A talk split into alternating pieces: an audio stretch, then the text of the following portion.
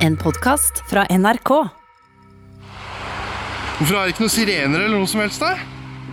22.07.2011 settes norsk politi på en av sine største prøver. Håper purken kommer snart, da. Når en terrorist skyter ungdommer på Utøya, blir det et kappløp med tida. Og da sier båtfører at ja, men jeg har full gass. Det går ikke fortere.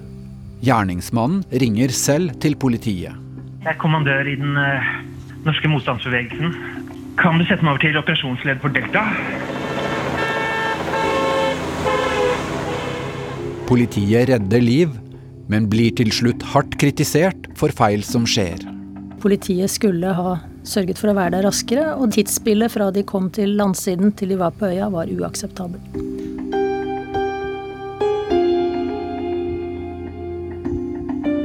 Du hører på hele historien om 22. juli av Line Alsaker og meg, Kjetil Saugestad.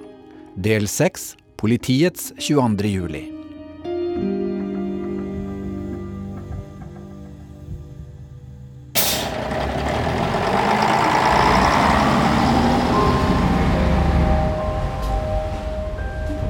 Det er en grå dag. Eh, og jeg tenker ikke på noe. Jeg har jo pendla til Oslo i eh, noen år fra Moss. Klokka tre på ettermiddagen 22. juli setter politiinspektør Jan Erik Haugland seg på bussen fra Oslo. Han har gått litt tidlig fra jobb i Politidirektoratet, noen hundre meter fra regjeringskvartalet. Og setter meg sånn i halsløv på bussen for å dorme eh, de 45 minuttene til Moss. Haugland har bred erfaring som politimann og fra politiets fagforening. Nå er jobben hans å bidra til at norsk politi arbeider på den måten politikerne bestemmer. Vi holdt jo på med et konsept som heter 'Skyting pågår', etter de her eh, hendelsene i, eh, i Finland og Tyskland, og ikke minst i USA. Etter skoleskytinger og terror i andre land er det aktuelt å se på hva norsk politi skal gjøre når det pågår livstruende situasjoner. Det var et opplegg hvor politiets eh, vente-og-se-tilnærming skulle avløses av en rykke inn så raskt du kan-type tilnærming. Og da potensielt med fare for eget liv i en sånn aktiv skyteepisode. Hadde du plikt til å gå inn i et kuleregn for å sette det veldig på spissen? I åra før 2011 har det vært lite satsing på ny teknologi.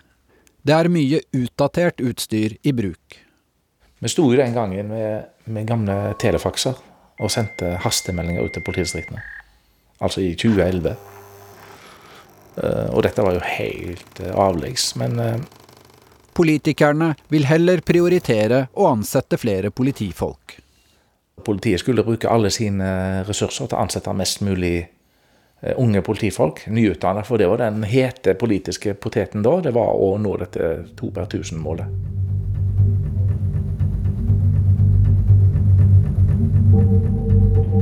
En i Akersgata ved VG-bygget. Eksplosjon. Rett før klokka halv fire kommer det meldinger på brannvesenets samband om en stor eksplosjon i Oslo sentrum. Ja, det har vært en voldsom eksplosjon. Så ut som det kom fra regjeringskvartalet, Henrik. Alle porta er eh, smelt i filler på stasjonen.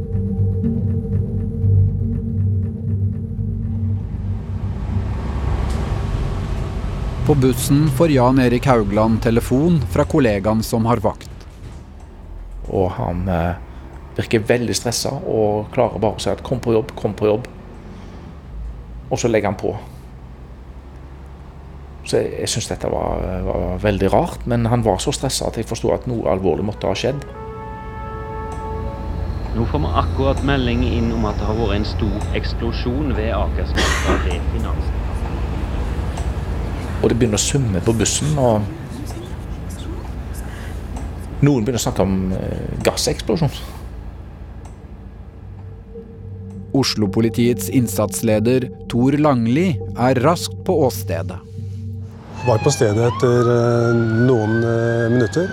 Så ga jeg en situasjonsrapport til operasjonssentralen. Ba deretter om å få bevæpningsordre fordi at jeg var sikker på at dette her var en terrorhandling, og at det kunne være flere gjerningsmenn og flere bomber i området. Det er en kaotisk situasjon, og redningsarbeidet er farlig. De største faremomentene det så jeg raskt, det var langs fasadene. For der eh, rasa det glass, eh, murstein, betong og vindus, deler av vindusrammer. De fleste jobba derfor eh, så langt de kunne fra de fasadene. Beredskapstroppen består av de best trente politifolka og settes inn i det risikofylte arbeidet med å leite etter folk inne i bygningene. Aksjonsleder Terje Klevingen frykter nye eksplosjoner. Og Der har vi med oss eh, gjennom hele søksfasen i, eh, i regjeringskvartalet. Politiet er også redd for å møte terrorister med våpen. Eh, vi er også utrusta for å ta oss av alle de andre trusler, også gjerningsmenn, som vi eventuelt måtte kunne stå, stå overfor. Beredskapstroppen berger ut fem personer fra høyblokka, en av dem alvorlig skadd. I vaktsentralen i regjeringskvartalet jobber Tor Inge Christoffersen. Så husker jeg når jeg så beredskapstroppen eh, kom med sine biler. Da tenkte jeg at nå er vi trygge. Det var først da fikk noen sånn lettelsens sukk at endelig er beredskapstroppen på plass. Nå er vi trygge. Christoffersen har viktig informasjon. På overvåkningsbildene har han sett mannen som forlot bombebilen. Han ble beskrevet, ble beskrevet som en mannsperson iført en vekteruniform eller en politiuniform. Kort tid etter eksplosjonen kommer et vitne igjennom på telefonen til Oslo-politiet.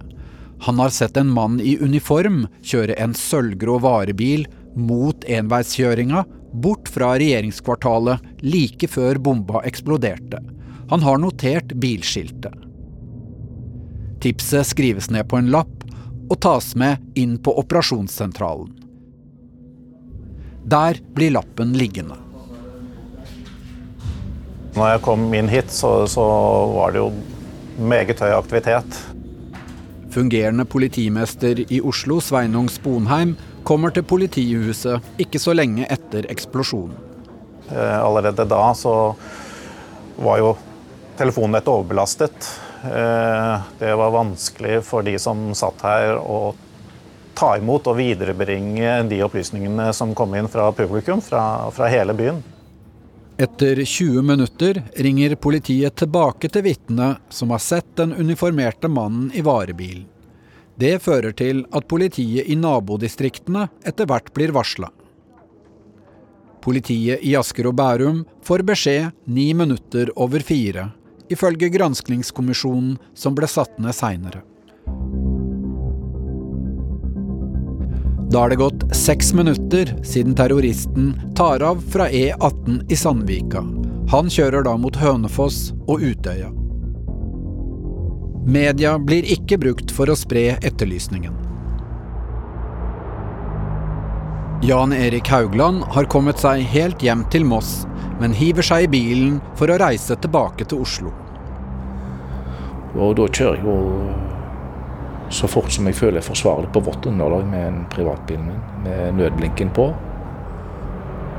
Det ser ut som alle forsto at det var noe på gang, så de ga, de ga meg fri vei, da. Han går rett inn i en jobb med å være liaison, kontaktpunktet mellom stabene i Oslo politidistrikt og Politidirektoratet. For de to stabssjefene da, i henholdsvis Politidirektoratet og Oslo politidistrikt de får jo ikke tak i hverandre. De går jo rundt i telefonene konstant, og de er i møter hele veien. Så når de da har behov for å snakke sammen, så gjør de det via meg. Som bindeledd kan Haugland kakke hvem som helst på skuldra, og når han ringer, så blir den telefonen tatt. Mens operative ledere holder tak i det som skjer minutt for minutt, tenker stabene på større spørsmål som gjelder litt framover i tid. Når du har veldig travle virksomheter som er byråkratiske og med mange funksjoner involvert, så må du ha muligheter for å gå utenom for å få viktig kommunikasjon, prioritert kommunikasjon til å gå. Haugland er i et stort møterom på politihuset på Grønland i Oslo. Og så ringer da eh, datteren min Hege. Hun er på Utøya. Han har ei datter som er på AUFs sommerleir på Utøya. Etter bomba i Oslo er hun bekymra for faren sin. Så ser jeg at staben er i ferd med å samle seg og, finne plassen sin. Så jeg sier at uh, jeg har det veldig travelt, det går bra med meg. Um, og så starter første stabsmøte.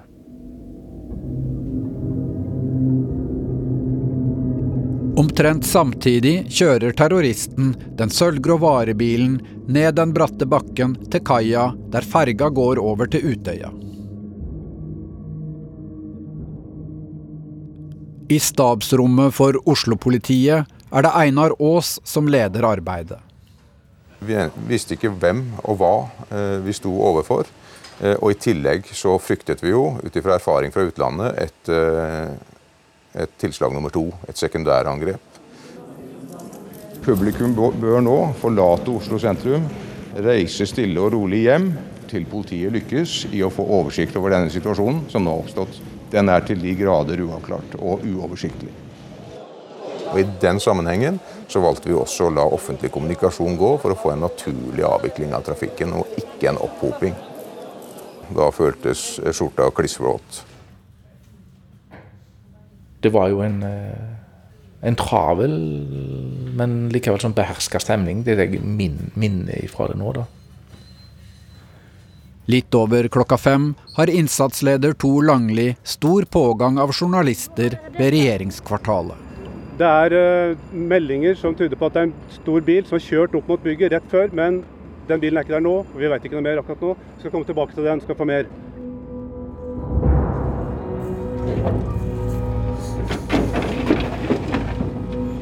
Ti over fem går terroristen om bord i ferga over til Utøya. Han sier at han er politimann og skal sikre AUFs leir etter bombeangrepet i Oslo. Han får hjelp til å laste om bord ei stor våpenkasse. Ferga bruker snaut ti minutter over til øya.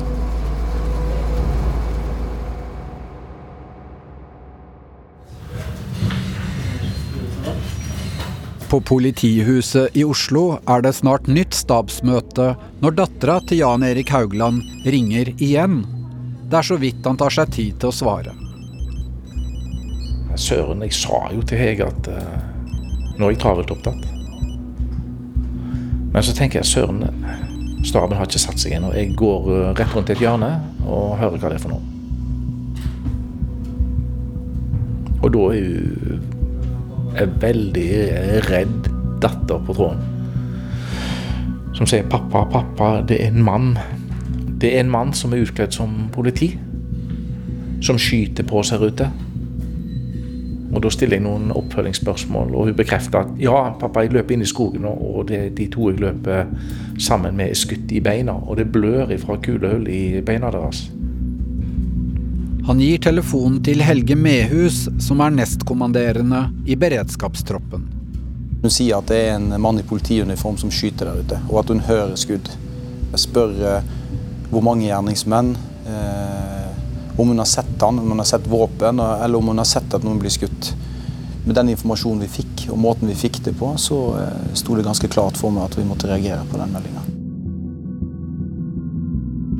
Første patrulje fra beredskapstroppen drar umiddelbart av gårde mot Utøya.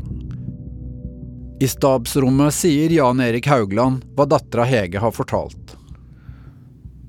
Og jeg husker egentlig ikke hvordan staben reagerte, annet enn at det ble helt sånn I, i mitt perspektiv så ble det helt dørgende stille. Jan Erik Haugland kjenner veien politiet må rykke ut. Jeg har jo kjørt Hege ut der et par dager før. Han veit at en tunnel på hovedveien E16 ved Utøya er stengt. Så jeg så for meg hvordan det der kom til å øh, bli. Det er mye trafikkaos pga. omkjøring. Og dette var en fredag i verste rushet ut av byen. Folk skulle på hytter og på ferie og alt mulig.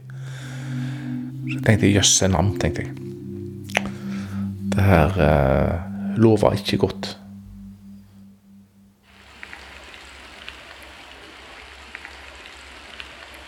Ja, nå skyter de her ute nå. På ut, på, nå skyter de på Utøya. På fastlandet ved Utøya filmer Nils Christian Ødegård. Han og kameraten skjønner at noe er gærent. Håper purken kommer snart, da. Den har faktisk begynt å rømme øya. Hvorfor er det ikke noen sirener eller noe som helst der? Hvis folk ikke har ringt politiet nå, så er det ikke bra. Nei, da Nei, da er de faen meg fjerne, altså.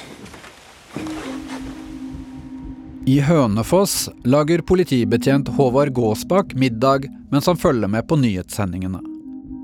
Så får han melding om å møte umiddelbart på jobb. Noen skyter folk på Utøya. Og da tenkte jeg første gang at øh, nå har øh, terroren kommet til Norge. Gåsbakk hiver seg i bilen. På vei inn i garasjen på politistasjonen krasjer han nesten med to kolleger som rykker ut med den røde politibåten på henger. Henta utstyret mitt.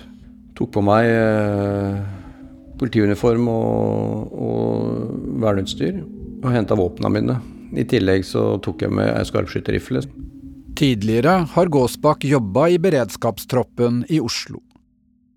Etter litt er han på vei. Planen til Hønefoss-politiet er å møtes på kaia nærmest Utøya og dra rett over. To betjenter er framme rundt ti på seks. De tar imot ungdommer som har rømt fra øya.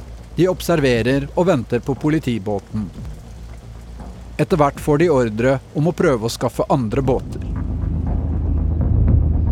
Gåsbakk kjører så fort han kan og snakker intenst på telefon og samband. Så det er en kjøretur jeg ikke husker så mye av. Klarer liksom ikke å huske noe øh, langs veien, for å si det sånn. Beredskapstroppen er på vei fra Oslo.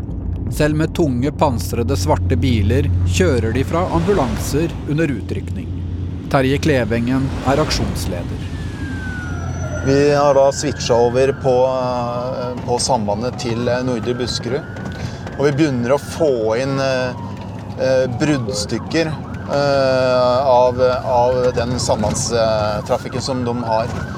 Men eh, det der er veldig vanskelig. Til dels helt umulig å lese hva som, hva som blir sagt. Politiet i Hønefoss bruker det gamle analoge sambandsnettet, som har dårlig dekning i området rundt Utøya. Beredskapstroppen sliter med å komme gjennom til operasjonssentralen i Hønefoss. Når de får kontakt via mobiltelefon, oppstår en misforståelse. Da blir avtalen at politipatruljene skal møtes ved Storøya, som ligger over tre kilometer lenger unna Utøya enn fergeleiet. Rett før klokka seks ringer terroristen til politiet. Ja, god dag. Jeg er kommandør Anders Behring Geirvik i den norske antikommunistiske motstandsbevegelsen. Da har han drept opp mot 40 mennesker. Jeg er på Utøya for øyeblikket. Jeg ønsker å overgi meg. Ok. Hvilket nummer ringer du fra? Jeg ringer fra en mobil. Du ringer fra din mobil? Ja. Det er ikke min mobil, en annen. En annen. Hva heter du for noe? Hallo? Hallo?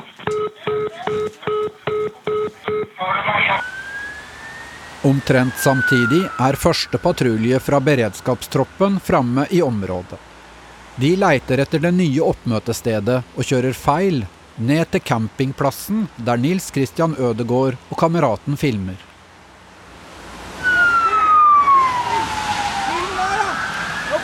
Det. Faen. For innsatsstyrke faenskap. Sånn bil ser du ikke så ofte i Norge. Det er jo for så vidt Delta-troppen som kom. De kom i sine sorte SUV-er inn på campingen. En runde der og dro igjen. Det liksom, hva skal de ikke Hva skjer? Det var det jeg tenkte da. Det, at det var Ja, hvorfor snur dere? Hvorfor kjører dere? Det er jo her. Det er her alt skjer. Det er raskeste vei over og alt. Håvard Gåsbakk er nesten framme ved fergekaia nærmest Utøya. Så møter jeg eh, flere biler fra eh, som kjører motsatt retning. Og da snur jeg rundt og henger på de bilene fra, fra beredskapstroppen og parkerer likt sammen med, med de. Politibåten har da blitt satt på vannet noen kilometer enda lenger unna Utøya, på et sted Hønefoss-politiet har brukt før. Og idet vi parkerer eh, bilene, så kommer politibåten, den røde gummibåten, kjørende. Det er en solid ribb med kraftig motor. En gummibåt med plass til ti personer. Det er ikke noe plassmangel når vi går om bord. Men båten den står oppå et, eh, en, en stein. Etter hvert som båten fylles opp av politifolk, presses akterenden ned i vannet. Det slår inn bølger bakfra over de fastspente bensintankene. De går om bord med én mann mer enn båten er registrert for. Og vi fyller opp båten eh, med ti stykker, så det er elleve med båtfører. Når båten løftes av steinen den står på, ligger den dypt i vannet. Da var vi langt oppe på ripa når vi bakker ut der.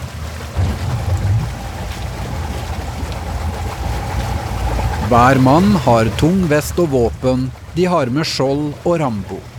De ønsker å være så mange som mulig. Så jeg opplevde en, eh, at det var veldig mye kampvilje. At her skulle vi over for å få kontroll på, på Utøya. Vi skjønte jo, vi hørte jo på meldinger fra operasjonsleder og, og på samband at uh, det var aktiv skyting der hele tida. Gåsbakk skjønner at båten er tungt lasta. Men det er ikke noe tema å sette igjen noen på land.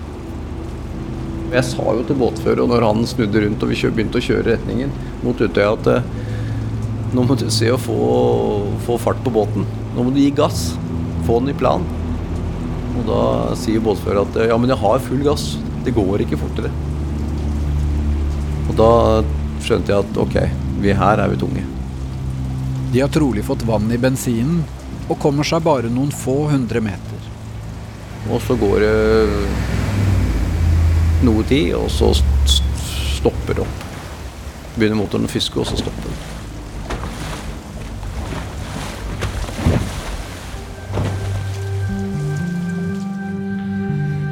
I stabsrommet til Oslo-politiet prøver Jan Erik Haugland å forholde seg til at dattera er i livsfare på Utøya, samtidig som han har viktige oppgaver.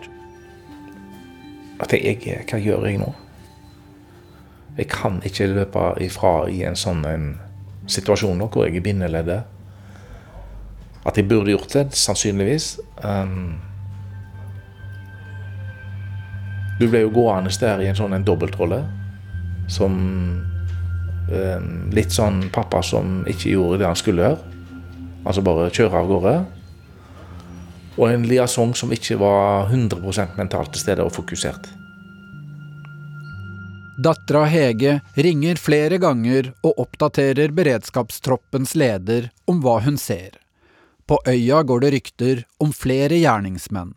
I den siste samtalen står hun til livs i det iskalde vannet. Rett innafor har vettskremte ungdommer gjemt seg bak et pumpehus. Og så skjer jo det forferdelige at uh, Breivik kommer mot uh, pumpehuset og begynner å skyte. Og da legger hun på søvn. Og da kaster hun fra seg telefonen. Sammen med ei venninne og en ung gutt svømmer hun for livet. Og snur seg og får se uh, Anders Behring Breivik det han holder på. Terroristen henretter 14 ungdommer ved pumpehuset og skyter etter folk i vannet. Klokka er nå rundt kvart over seks. Så kommer det en tysk campingturist som har fått tak i en båt og kommer ut. og Så han eh, drar de opp i denne båten, da. På Storøya er Steinar Frøysov på hytta si. Han filmer at den røde politibåten er i trøbbel. Og politibåten med massevis av politifolk kjører utover mot Utøya. Der kommer en uh, båt imot dem. En privatbåt kommer bort til den havarerte gummibåten. Håvard Gåsbakk overtar rattet, og til sammen ti politifolk hopper om bord med fullt utstyr. Men denne skjærgårdsjeepen er kun registrert for fem personer, og blir også lasta for full. Men vi var fortsatt like tunge, og den, jeg fikk heller ikke den båten opp i plan. Så den skar fra høyre til venstre. Og så kjørte vi litt til. Så kom det en ny båt bort til oss. Den andre privatbåten blir kjørt av Lill Hege Nilsen og Oddvar Hansen. Han tar, han tar, nok bare noen valg i en sånn situasjon. altså Du har ikke tid til å tenke så mye. De får fire fra beredskapstroppen over i sin raske båt og raser mot Utøya. Så får vi jo beskjed om å holde oss veldig lavt i båten når vi går inn mot brygga. De var nok veldig klare på at han kunne skyte på oss. Men allikevel så stolte jeg så veldig på, på den som satt foran i båten med skjoldet, at jeg regna med at hvis vi ble beskutt, så skjøt de tilbake. Båten med Håvard Gåsbakk bak rattet gjør endelig god fart.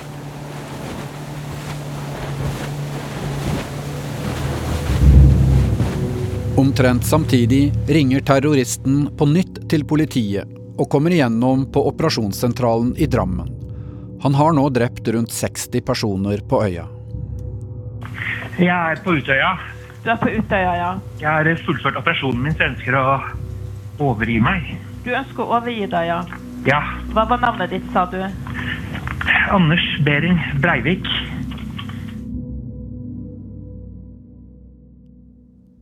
De første fire fra beredskapstroppen hopper i land og løper mot nordspissen av øya. Noen ungdommer mener det er der gjerningsmannen er. Kort tid etter manøvrerer Håvard Gåsbakk den andre båten, mellom svømmende ungdommer, inn til brygga. De har sett skudd slå ned i vannet fra sørenden. Én mann sikrer båten, mens de fem andre løper mot lyden.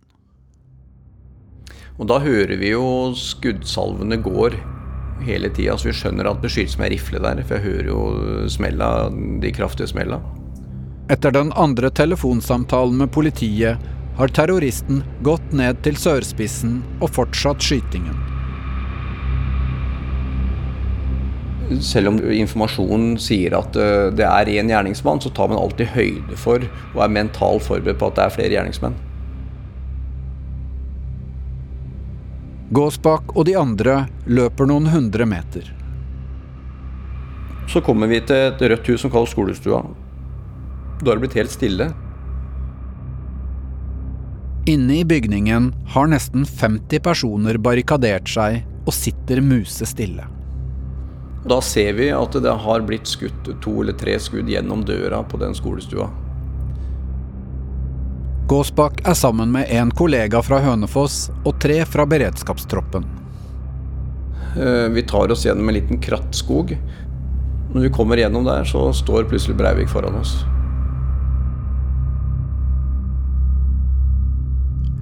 Terroristen er 15-20 meter unna.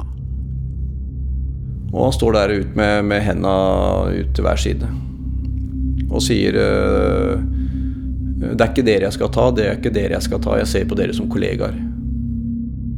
De ser raskt at politiuniformen er hjemmelaga, men frykter at han har på seg bombevest. Og så har han på seg ørepropper, og jeg kjenner jo igjen de øreproppene, for jeg hadde akkurat fått meg en iPhone.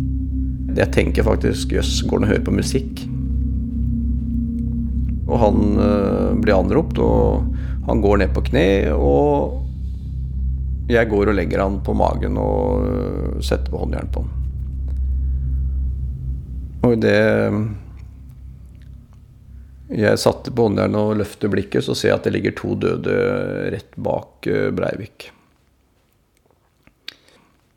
Terroristen forteller at han har legitimasjon i en av lommene. Ja, Han var som en maskin, på en måte. Og han begynner jo da å, å prate om, eh, om manifestet sitt eh, i forhold til islamiseringen av Norge, og at vi kommer til å takke han om eh, x antall år, og, og prater veldig sånn militært. Det er veldig kontrollert, og veldig, han er veldig rolig. Jeg opplever han som veldig rolig og veldig målretta, på en måte.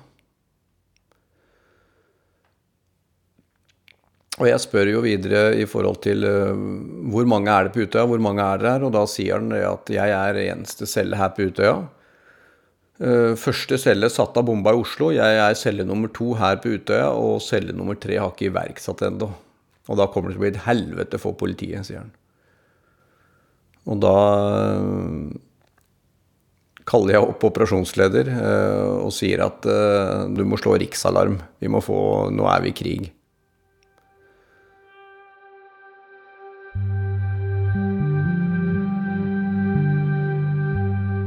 På politihuset i Oslo får Jan Erik Haugland raskt beskjed om at en mann er tatt. Og For meg så opplevdes det å ha skjedd helt sånn ubegripelig fort. Altså, jeg, jeg tenker beredskapstroppen midt i et veldig alvorlig oppdrag i Oslo sentrum.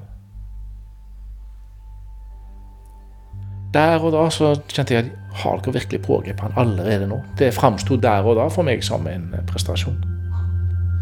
Som bindeledd i politistaben vet han mer enn de fleste. Jeg visste jo da selvfølgelig bakteppet at vi hadde jo ikke noe uh, helikopter tilgjengelig. At været var slik at hvis vi hadde hatt det, så var det usikkert om det kunne flydd. Dattera Hege har kommet seg vel i land og er i sikkerhet. Eh, så ringer jo da Hege meg ikke så veldig eh, lenge etter. Hun hadde jo sendt noen tekstmeldinger til, til mora som, som satt hjemme her og var helt ute av seg. Det kommer etter hvert mange politifolk til Utøya. Geir Ostorp har rykka ut fra Drammen for å hjelpe til.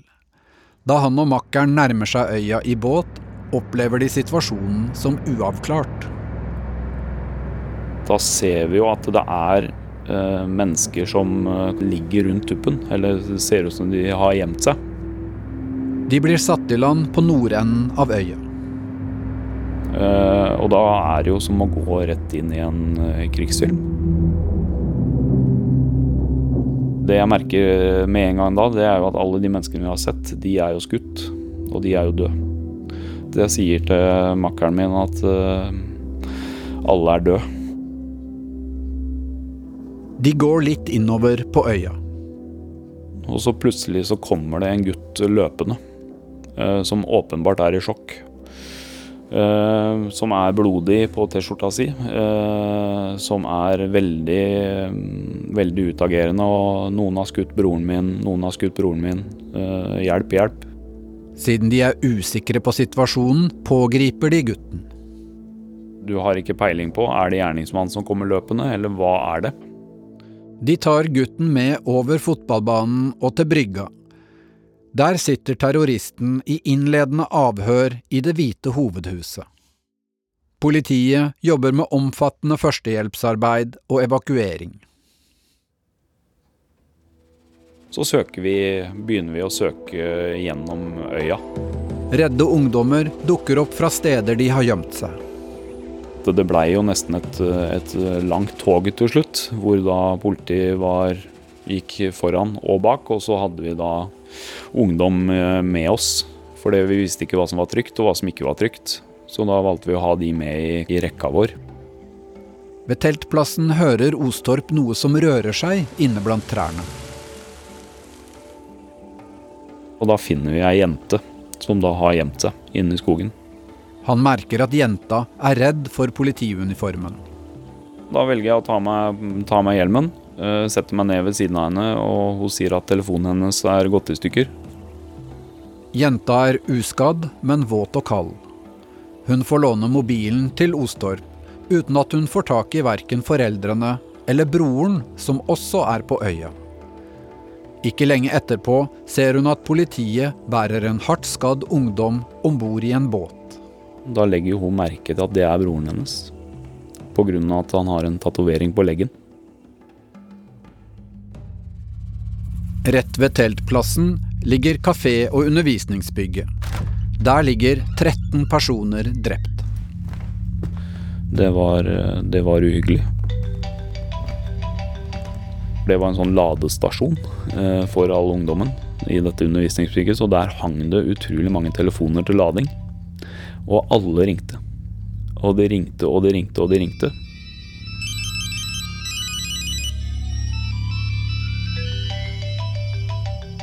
Så når du da gikk forbi og så i displayet, så ser du at det står mamma og pappa. Og du har så lyst til å ta telefonene, men du kan jo ikke gjøre det.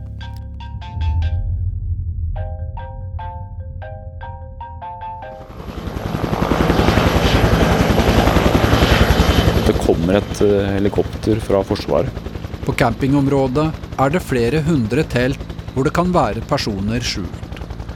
Så dette helikopteret legger seg veldig nært til bakken, så alle telta egentlig blir bare flerra opp, da. Så vi skulle slippe å gå gjennom 200 telt. Det gjorde sitt at det, var umulig å gjemme seg inne i teltet.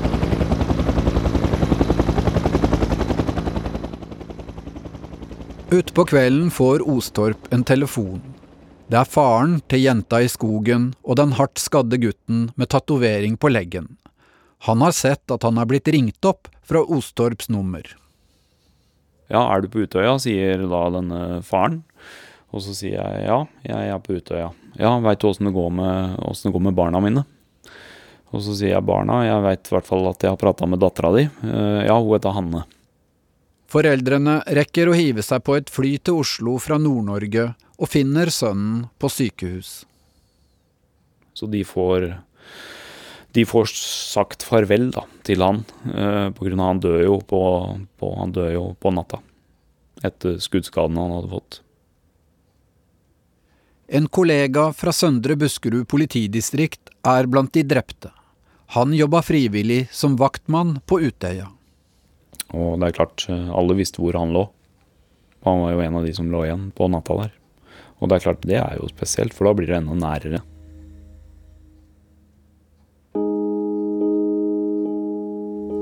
Overalt på øya ligger det døde mennesker. Vi var ikke så gode på å telle på den natta, for det, det kom jo Det kom egentlig veldig Jeg tror ikke vi kom til samme tallet én gang, jeg, på hvem er som var der ute. Eller hvor mange var som ble funnet. Håvard Gåsbakk har gått inn i rollen som innsatsleder og organiserer politiarbeidet utover kvelden. Hva gjør vi her nå med alle disse her? Altså, hva gjør vi med alle som er drept? Og så tenker jeg at nei, vi må i hvert fall De blir, må jo ligge over natta, og jeg må bestille pledd. Jeg må få tak i pledd, så vi kan bre over dem. Eh, Så jeg eh, bestiller jo da Ringer jo inn og bestiller 100 pledd. Antallet drepte er ikke til å fatte. Altså Du må klype i armen og tenke øh, Er dette her reelt? Hva er det som skjer? Antallet døde justeres ned når dagslyset kommer. I alt blir 69 personer drept i angrepet på Utøya.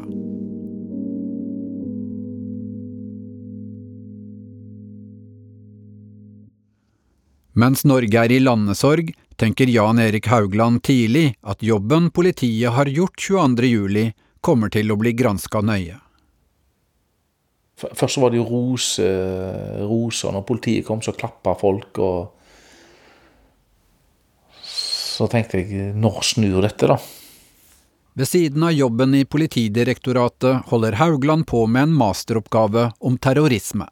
Det er jo en ganske sånn vanlig dynamikk at først så blir heltene tiljubla, og så blir de kritisert.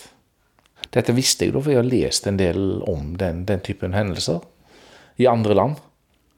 Dagsrevyen 9. august. For første gang vedgår politiet at de ikke valgte den raskeste og enkleste ruta da de rykka ut til Utøya.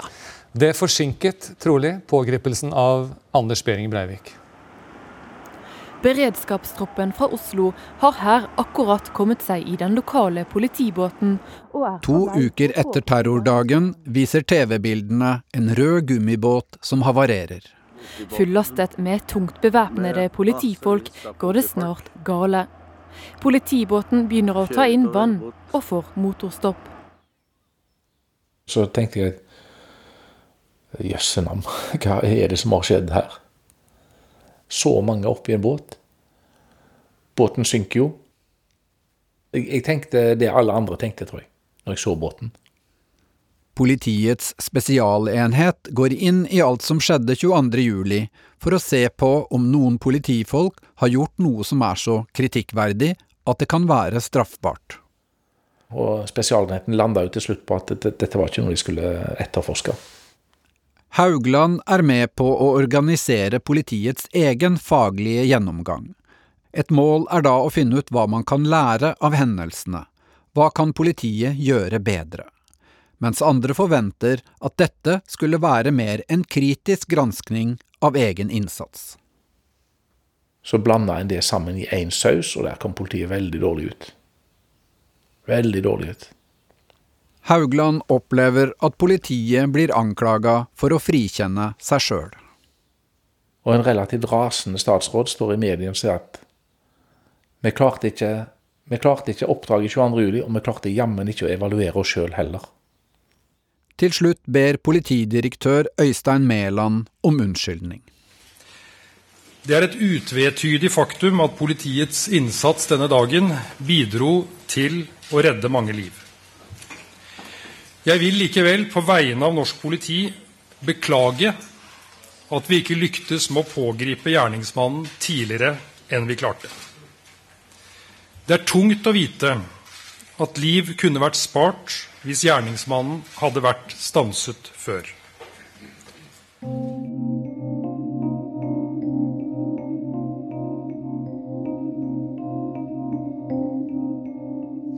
Oppe i all kritikken får Drammens politimann Geir Ostorp en hyggelig anerkjennelse. Fra jenta han var med å finne i skogen på Utøya. Hanne har eh, utvist takknemlighet eh, overfor vi som var ute på øya der. Eh, hun har bl.a. skrevet et leserinnlegg i VG hvor hun da sier at politiet redda vårt liv den dagen. For meg og for vi som var der og var i kontakt med henne, så, så føltes det veldig godt. At vi hadde gjort en god jobb, og at vi hadde, hadde gjort en forskjell da, for henne. Seinere møter han Hanne og familien. Jeg har fått et armbånd fra, som jeg fikk rett etterpå her, som jeg fikk fra henne. Jeg, jeg går jo med det hver dag, så det er jo, det er jo lett, det er lett å huske det, for å si det sånn. Du glemmer jo ikke. Alt som skjedde 22.07 blir granska av en uavhengig kommisjon leda av Alexandra Beck Gjørv. Da rapporten legges fram august året etter, er kritikken mot politiet veldig klar. Oslo-politiet oppfattet raskt at dette var terror, og de fryktet nye angrep. Likevel ser vi få spor i akuttfasen av tiltak som rettet seg mot å avverge sekundæranslag. Ikke riksalarm umiddelbart, ikke sperre- og observasjonsposter. Helikopterressurser ble ikke forsøkt mobilisert. Ingen bistandsanmodninger de første timene, og operasjonssentralen fikk tilbud om ressurser fra naboene, men brukte den ikke. Politiet fikk ikke utnytta gode beskrivelser av gjerningsmannen i Oslo. De responderte for sent på tipset, et veldig godt tips som kom inn. Gjørv-kommisjonen slår fast at politiet klarer å rykke ut på en bra måte og med nok folk, men mener at de første patruljene skulle gjort mer for å skaffe seg båter og dratt over tidligere. Politiet skulle ha sørget for å være der raskere, og tidsspillet fra de kom til landsiden til de var på øya, var uakseptabel. Kommisjonen mener at misforståelsen som førte til at politiet flytta oppmøtestedet lenger unna Utøya, ikke forsinka aksjonen noe særlig. Alt trøbbelet rundt gummibåten kosta til sammen elleve minutter. Det er ulike anslag om hvor tidlig politiet kunne ha vært på øya, og hva som i så fall kunne ha vært forhindra. Men hadde Breivik blitt pågrepet elleve minutter tidligere, ville han ikke rukket å drepe de siste fem personene på sørspissen. Men vi er veldig opptatt av å si at grunnene til at så mye sviktet der oppe, handler svært mye om en for spinkelt bemannet operasjonssentral, manglende teknologi til samhandling, men også svak sambandsdisiplin og på noen punkter for mye aksjonsvilje, og på andre punkter for lite aksjonsvilje. Aksjonen ute på selve Utøya får ros fra Gjørv-kommisjonen. Mange politifolk viste stort mot og redda liv. Håvard Gåsbakk var både med i den røde gummibåten og på selve pågripelsen. Jeg står for det som jeg gjorde der, og det som vi gjorde der den dagen.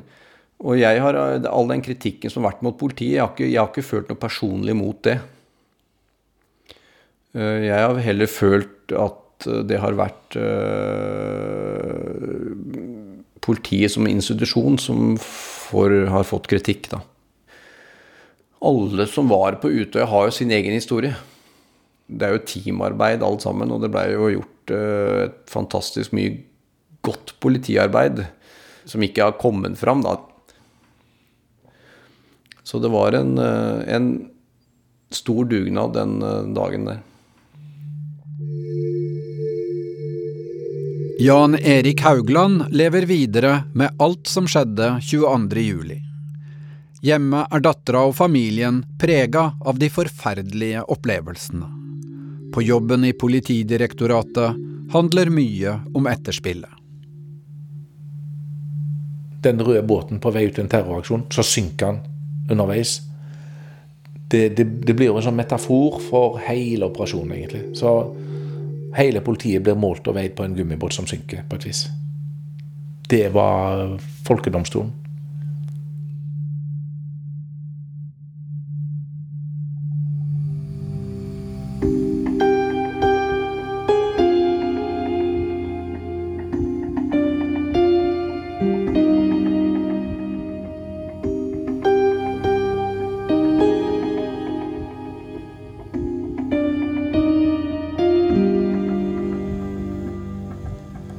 Har hørt del seks av hele historien om 22. juli. I neste episode De pårørendes mareritt. Jeg løper rundt og spør om noen har sett Mona.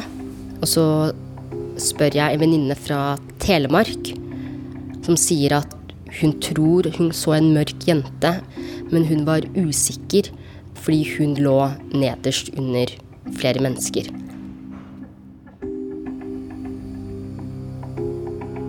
Denne serien er laga av Line Alsaker og meg, Kjetil Saugestad. Lyddesign for denne episoden var ved Kjetil Hansen. Musikken er laga av Socius Music. Ekstra research ved Kristine Næss Larsen og Beate Riser. Takk til Helge Reno for hjelp til faktasjekk. Redaktør er Siril Heierdal. Sender du en e-post til hele historien, krøllalfa nrk.no, så lover vi at du får et svar. En podkast fra NRK.